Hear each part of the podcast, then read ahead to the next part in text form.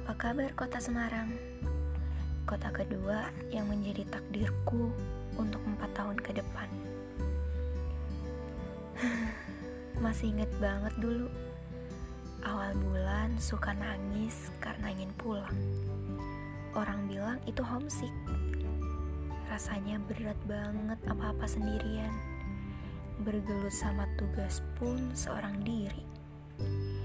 Biasanya kalau lagi nugas, susu putih selalu di atas meja. Tentu ibu yang buatin. Sekarang, apa-apa harus sendiri. Tapi lama-kelamaan terbiasa juga kok, karena banyak teman di sana.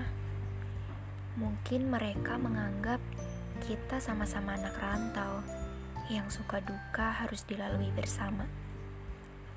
Untuk kalian calon anak rantau, siap-siap ya. Dan untuk kota Semarang dan seluruh dunia, lakas membaik ya. Amin.